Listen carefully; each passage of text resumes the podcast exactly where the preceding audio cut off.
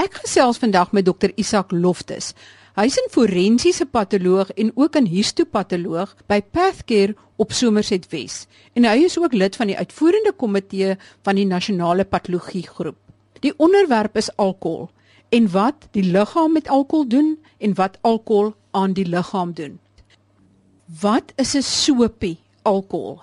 Wanneer ons praat van 'n sopie alkohol, dan neem ons in ag die konsentrasie van 'n spesifieke alkoholdrankie. Byvoorbeeld 25 ml per talie is ongeveer gelyk in alkoholinhoud aan 150 ml wyn en 375 ml bier. Wanneer ons van 'n sopie alkohol praat, dan verwys ons na ongeveer 10 gram alkohol. Dit is 'n duimreël. Hoe affekteer alkohol die liggaam en watter organe is die vatbaarste vir hierdie effek van alkohol?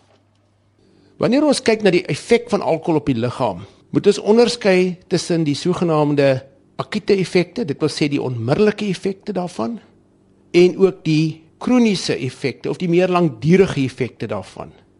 Kan jy die langer termyn effekte saamvat? Alkohol is basies 'n toksiese substans wat deur die liggaam afgebreek moet word om daarvan ontslae te raak. Alkohol hoop nie op in die liggaam met tyd nie.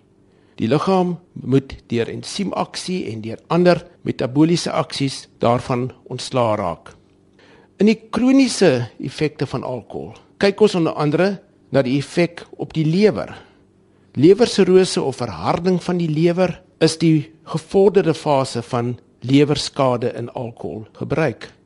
Maar voor dit kry ons lewervervetting en ons kry ook lewerontsteking as gevolg van alkoholmisbruik. Alkohol het ook 'n negatiewe effek op die brein. Alkoholiste het dikwels breinatrofie. Met ander woorde, daar's verlies van die breinweefsel. As gevolg van hierdie verlies in die hoeveelheid breinweefsel, is die brein dus relatief klein in vergelyking tot die skedelholte. Met ander woorde, die brein kan meer rondbeweeg in die skedel.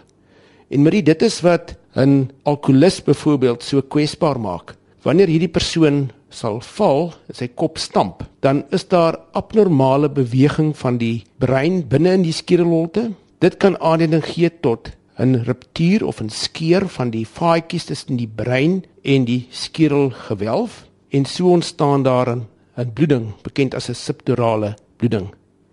Die belang daarvan is is dat hierdie bloedings presenteer nie noodwendig onmiddellik nie. Dit vat enigiets van 24 tot 72 uur. So hier het jy 'n persoon wat onder die invloed van alkohol by 'n ongevalle afdeling opdaag, 'n geskiedenis het van trauma, maar hy's waarskynlik ook onder die invloed van alkohol en sonder dat die dokter dit besef, gaan hierdie pasiënt stadig agteruit weens die versameling van bloed op sy brein en sterf hy 'n paar dae later. Maar onthou net die brein is ook blootgestel aan akute intoksikasie met alkohol en veral die sogenaamde binge drinker. Die persoon wat letterlik oor 'n kort tydperk 'n groot hoeveelheid alkohol gebruik. In so 'n persoon is daar ook dikwels 'n verhoogde risiko van breinbloeding in die substans van die brein nie soos 'n alkoholis noodwendig op die oppervlakte nie. So die brein is nie vrygestel van akute intoksikasie nie. Terwyl ons praat oor sogenaamde binge drinkpatrone, 'n baie bekende risiko van sodanige drinkpatroon is die ontwikkeling van 'n toestand met die naam van akute pankreatitis. Dit het 'n baie hoë mortaliteit want wat gebeur is dat die pankreas word gestimuleer tot so 'n mate dat dit in effek begin om homself te verteer en met verloop van tyd ook die res van die weefsel daar rondom. So akute pankreatitis, akute serebrale bloedings Behalwe die effek dat jy nog blootgestel is aan 'n hoë risiko vir trauma, is alles deel van die pakket van akute alkoholintoksikasie. Dit is nou die langer termyn effekte. Maar wat gebeur in die liggaam as jy op hierdie oomblik alkohol inneem? Marie in uh, wetenskaplike terme kyk ons altyd na farmakodinamika, met ander woorde wat die alkohol aan jou doen of enige middel aan jou doen versus die farmakokinetika, dit is wat jou liggaam aan alkohol of weer eens enige ander middel doen. Nou die farmakokinetika van alkohol sal dus byvoorbeeld kyk na dinge soos wat verhoog die absorpsie van alkohol. Hoe word alkohol afgebreek in die liggaam? Hoe word dit uitgeskei? Die farmakodinamika aan die ander kant, daar kyk ons na hoe affekteer die alkohol jou? Nou kom ons kyk net na 'n paar dinge wat jou liggaam aan alkohol doen. Die eerste belangrike ding is is dat die meerderheid van alkohol word geabsorbeer uit jou dun darm uit, nie uit jou maag uit nie. 20% uit jou maag, 80% uit jou dun darm, minimale hoeveelhede uit jou mond en uit jou slukdarm. En daar is heelwat dinge wat die absorpsie van alkohol kan verhoog. Hoe gouer die alkohol wat in jou maag is deurkom na die dun darm toe, hoe vinniger en hoe beter sal dit geabsorbeer word. Met ander woorde, enige toestand, enige medikasie, enige tipe drank wat daardie deurgang sal beïnvloed, sal 'n rol speel. Interessant is hoe baie sterk drank sal as 'n beskermingsmeganisme stadiger geabsorbeer word omdat die sterk drank sal jou maag irriteer. Dit sal meer slijm afskei wat die oppervlakte sal bedek en dis dan 'n tipe van 'n skansel vorm tussen die alkohol en jou maagslijmvlies. Dit sal ook die pylorus, die sluitspier aan die ondereinde van jou maag, laat saamtrek en die alkohol sal stadiger deur jou dindarm gaan. Maar ander goeters kan weer die absorpsie van alkohol verhoog. 'n Warm drankie, dit veroorsaak verhoogde bloedvloei na jou maag, so dit sal alkoholabsorpsie verbeter. Gas, enige drankie met gas, spesifiek koolsuurgas, sal die maag laat opswel. Dit sal die maag slijmvliesvoue laat ontvou en dit sal die oppervlakte area voel. Ek sê altyd dat die mees potente drankie om te drink en die vinnigste alkoholabsorpsie te bewerkstellig is waarskynlik louwarm champagne want jy het warm of louwarm vloeistof. Jy het die optimale alkoholkonsentrasie wat nie die maag gaan irriteer naamlik minder as 15% en jy het gas wat die maag sal laat opswel. So, miskien is die leeste uit bly weg van te warm champagne. As die alkohol nou deur jou dun darm en maag opgeneem is, wat gebeur dan met die alkohol? Wanneer die alkohol nou in jou liggaam is, dan word dit afgebreek en die meerderheid van alkohol word in jou lewer afgebreek. En dit is waar die ensimes gesetel is wat die alkohol sal afbreek tot in afbraakprodukte wat dan in die normale metabooliese siklusse in jou liggaam opgeneem kan word. Die res van die alkohol word tot 'n groot mate onveranderd uitgeskei deur jou niere, deur jou long. Dit vorm natuurlik die basis van asemalkoholtoetse wanneer die polisie wil vasstel of iemand onder invloed van alkohol is en ook deur die vel. Die liggaam hoop nie alkohol op nie. So dit word afgebreek en die liggaam raak ontslae daarvan. Die tweede ding wat mens moet onthou is dat dit is soos 'n dam met een uitlaatpyp. Dit maak nie saak hoe vol daai dam is nie. Dit kan slegs deur 'n konstante tempo afgebreek word. En daar is bitter min dinge wat dit kan beïnvloed. Daar's baie boererate en leuke opinies deur as jy slaap of as jy baie koffie drink en of jy dit doen of dat doen, gaan jy daardie tempo van afbraak kan verander. Dis natuurlik totaal onwaar. Bitter min dinge kan daai tempo beïnvloed. Dit was baie interessant wat jy genoem het dat 'n gewoonte drinker se ensieme so aanpas dat hy al hoe meer alkohol kan hanteer sonder om babbelaars of sleg te voel, maar dat hierdie verhoogde ensiemvrystelling slegs 'n korttermyn effek is, omdat die lewer nie vir altyd kan byhou met hierdie verhoogde ensiemvrystelling nie en dat hierdie verhoogde ensiemvrystelling dan juis die lewer onder druk plaas sodat lewervervetting en lewersirose volg. Mens moet ook onthou dat 'n gewoonte drinker is gewoonlik meer bekend met die effekte van alkohol. So hy weet hoe om dit te maskeer. Hy weet hoe om te byvoorbeeld te loop en te reageer om nie noodwendig onder die invloed van alkohol voor te kom nie. Maar wat ook belangrik is, is dit is dat soos met enige middel, enige geneesmiddel, enige toksiese middel, is daar normaalweg met die gebruik van so 'n substans variasie wat kan wees interpersoonlik, met ander woorde van persoon tot persoon, maar ook intrapersoonlik. Kom ons kyk net vinnig daarna. Interpersoonlike variasie beteken dat wanneer jy twee individue vat en jy gee hulle dieselfde hoeveelheid alkohol, sal hulle alkoholvlakke nie noodwendig dieselfde wees nie en bykomend sal hulle respons, hulle kliniese respons nie dieselfde wees nie. So dit is wat ons noem interpersoonlike variasie. Intrapersoonlike variasie is waar jou respons in opsigte van 'n middel van dag tot dag kan verskil. En dit kan wees omdat jy vandag miskien 'n bietjie moer is, jou maag is miskien leeg, jy dalk ander medikasie geneem en skielik is jou respons nie heeltemal dieselfde as wat dit 'n week tevore was nie. Wat is die belang hiervan vir ons? Dit is die rede hoekom wanneer jy begin met nuwe medikasie vir watter rede ook al, mens versigtig moet wees met die gebruik van alkohol omdat die ou respons wat jy gewoond is, nie noodwendig dieselfde gaan wees nou dat jy 'n nuwe middel drink nie. Iets wat mens altyd 'n gedagte moet hou.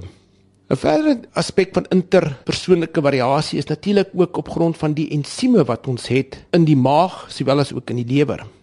Een van die ensieme wat in die maag voorkom is alkoholdehidrogenase. Dit breek alkohol af. Dit is die eerste stap in die alkoholafbraakproses.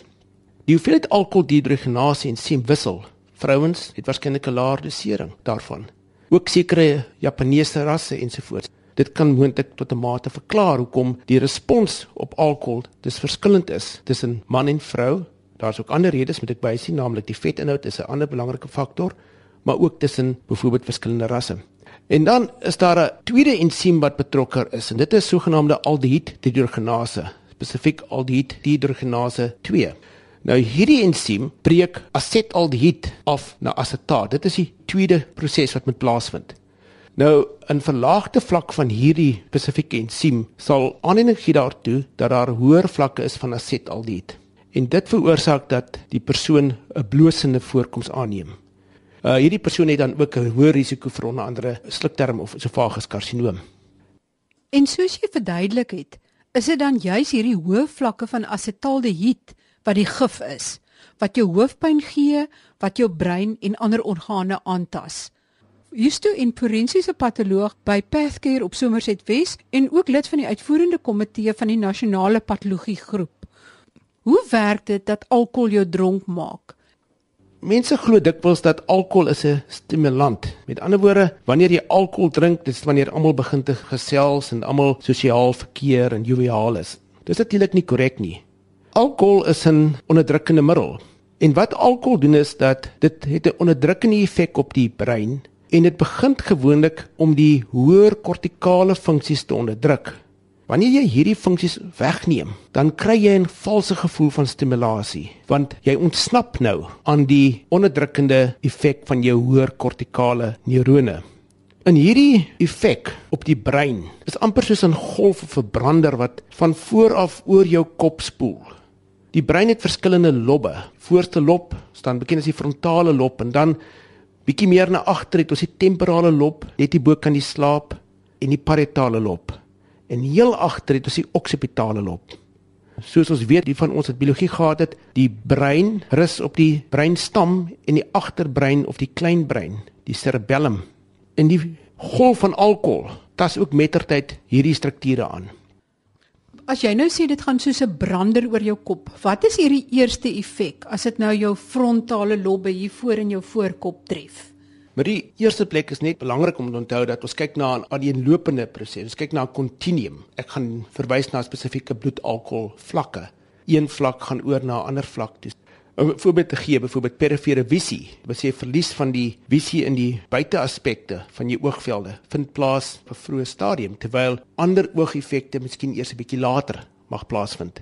So kom ons kyk na die eerste effek. Soos ek gesê het, dis wanneer hierdie brander begin om oor jou frontale lob, die voorste lob van jou brein te spoel. En wat dan gebeur is is dat dit neem die onderdrukkende effek van jou hoër kortikale neurone weg. Eindelik kom die ware jy dan te voorskyn. Hoeveel alkohol nodig is om dit te laat gebeur wissel van persoon tot persoon. Ek sê altyd dat sommige individue het net 'n baie klein hoeveelheid alkohol nodig om die veneer van beskawing te laat wegwas.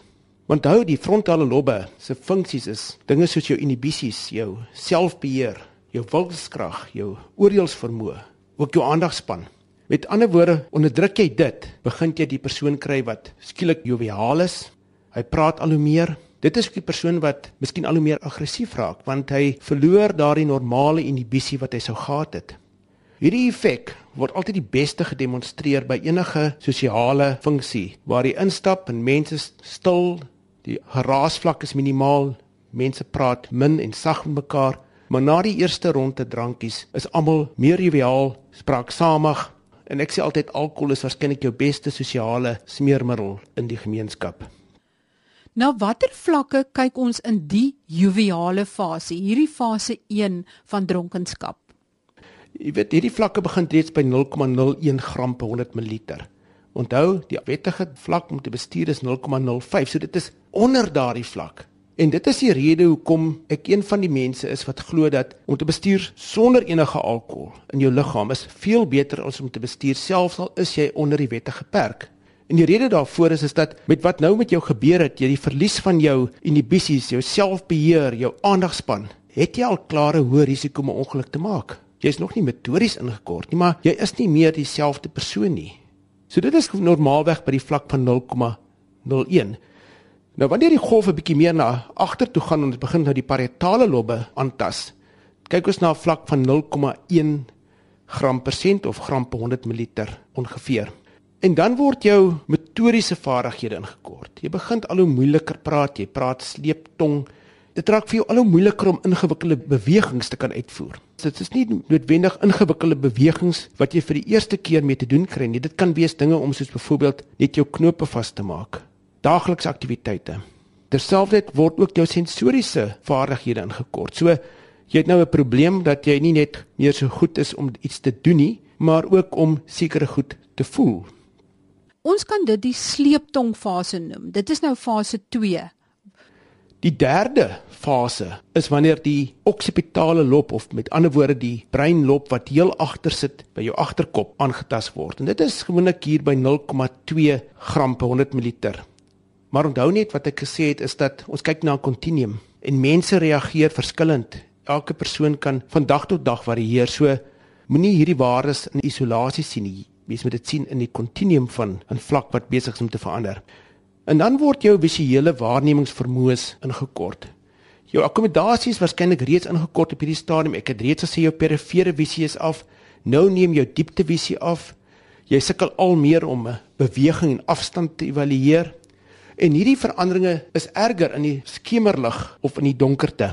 Ook gaan dinge soos byvoorbeeld die onderskeid van kleur verlore met hoër alkoholvlakke. En dit is die belang van alkohol wanneer dit kom by motorongelukke.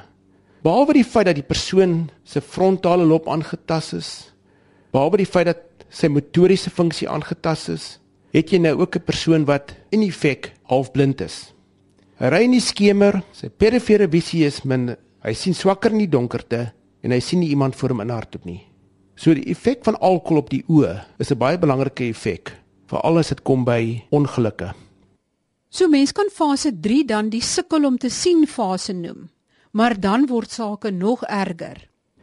Dan gaan ons na die volgende fase toe. Dit is wanneer die cerebellum of die kleinbrein of agterbrein aangetast word. Nou ons weet almal die cerebellum is baie belangrik met die uitvoer van koördinasie. En wanneer dit aangetast word en dit is reeds by 0,15 gram per 100 ml aangetast, is dit veral die balans wat daaronder lê. Maar jy weet vir ons om optimaal te funksioneer, is dit vir die mens nodig om 'n klomp inligting te verwerk, inligting wat hy sien, inligting wat hy deur sy voetsole optel van hoe hy staan, inligting van hoor. Nou al hierdie inligting moet die brein verwerk en dan moet hy die beste moontlike respons daar stel. Dit is duidelik dat ons nou op 'n stadium is wat feitelik alles wat jy nodig het om as 'n nugter mens te kan funksioneer, is nou beperk. So die feit dat jy nie meer intakte inligting kry vanaf jou oë, vanaf jou sensasies nie en as jy die bietjie inligting wat jy inkry probeer uitvoer, is jy ook nie meer motories daartoe in staat nie.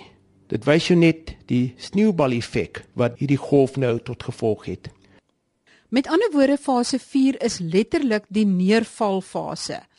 Fase 5 En dan kom ons by die laaste twee fases en dit is wanneer die midbrein en die diencephalon, dit is die dele wat basies bokant die breinstam geleë is in die brein wanneer dit aangetast word. Gewoonlik word aangetast by vlakke van 0,25, maar dit kan ook heelwat laer wees. Dit is die fase wanneer die persoon moeg is, hy's lam, die regte papdronkfase. Dis ook wanneer die persoon geneig is om te braak. Nou braaking is natuurlik ook 'n belangrike oorsaak van dood by mense onder akute alkoholintoksikasie want nie net het hulle dan 'n geneigtheid om te braak nie, maar baie van hulle reflekse wat normaalweg sal verhoed dat hulle die braaksel inasem is nou onderdruk. Kom dit baie belangrik is is dat wanneer iemand braak na die inname van 'n groot hoeveelheid alkohol in 'n akute fase, so 'n persoon nie net gelos word nie, maar wat jy sal seker maak dat hy in 'n posisie is of in omstandighede is wat indien hy sou braak, nie daaraan sou verstik nie. Fase 5 is dus letterlik die papdronk en braakfase. Maar hoe moet die persoon lê dat hy nie verstik in sy eie braaksel nie? Hoe moet mens hom neerlê? As jy eh, te doen het met 'n persoon wat onder invloed van alkohol is en braak of risiko het om te braak, natuurlik as hy braak is dit belangrik om dit dop te hou en vir hom te assisteer so ver as moontlik. Maar sou jy hom wou neerlê, is dit verkieslik dat hy op die linkersy lê. Wanneer ons met enige persoon te doen het wat bewusteloos is vir watter rede ook al, of in hierdie geval onder die invloed is van akute alkoholintoksikasie en het 'n risiko om te braak, is die beste posisie om neer te lê op sy linkersy, die sogenaamde halfmaag liggende swemmersposisie, so hy lê op sy linkersy met sy kop op sy arms en sy een been effens oor die ander sodat hy nie omrol nie. Dit is 'n basiese noodhulpposisie. Die voordeel daarvan is as hy lê met sy kop na onder, so die braaksel sal uitloop Hy lê ook op sy linkersy. Ons het 'n groter risiko om te aspireer in ons regter long as in ons linkerlong as gevolg van die anatomie van die lugweë. En natuurlik, die belangrike ding is is dat die feit dat hy leef, neem hom ook al klaar uit ander gevaarsituasies uit. Dan kom ons by fase 6 wat erger is as bloot bewusteloosheid. Nou kom ons by die laaste fase en dit is wanneer die breinstam onderdruk word. Nou, Marie, as jy kom by die onderdrukking van die breinstam het jy 'n probleem want jou breinstam het 'n verskriklike belangrike rol. Dit is die area wat funksies soos byvoorbeeld jou asemhaling, jou bloedsirkulasie beheer. Maar wanneer jy dit onderdruk en dit vind plaas by vlakke van 0,35 tot 0,4 dan wat gebeur is is dat jy in effek besig is om dood te gaan want jou asemhaling raak al hoe laer en stadiger al hoe vlakker jou hartspoed word geaffekteer en stadig soos onder die effek van 'n narkosemiddel gaan jy in 'n fase wat jy geskok word en doodgaan. Party mense kan by 'n baie laer vlak kan hulle patologies geïntoksikeerd voorkom. Daar is so 'n danige toestand. Ander kan by baie hoër vlak voorkom. Daar is mense wat alkoholvlakke van 0,7 gram per 100 ml gehad het en wat nie daarin dood is nie. Daar is variasie en dit is soos ek gesê het, 'n sneeubal effek. Daar kom net meer en meer en meer goed by. Hoe bereken mens hoeveel mag mens drink dat dit nie gevaarlik vir jou is nie en hoe werk dit? Marie, daar is 'n formule, die Witmark formule is 'n baie bruikbare formule om te gebruik. Dit is die hoeveelheid alkohol wat ek in die geval van 'n persoon van 70 kg, nou ons gebruik maar altyd so min medisyne 70 kg, 'n manlike persoon en kom ons werk uit hoeveel kan so 'n persoon drink om 'n alkoholvlak van 0,05 gram per 100 ml te gee. So 'n persoon kan 24,5 gram alkohol drink. So wanneer hy persoon 24,5 gram alkohol met een sal drink, dan kan mens verwag dat sy bloedalkoholvlak ongeveer 0,05 gram per 100 ml of gram per sent sal wees. Uiteraard is ek beklemtoon dit daar's baie faktore wat dit kan beïnvloed. Hang af van of hy ander medikasie gebruik, hang af van die toestand van sy maag, hang af van die tipe drank ensovoorts.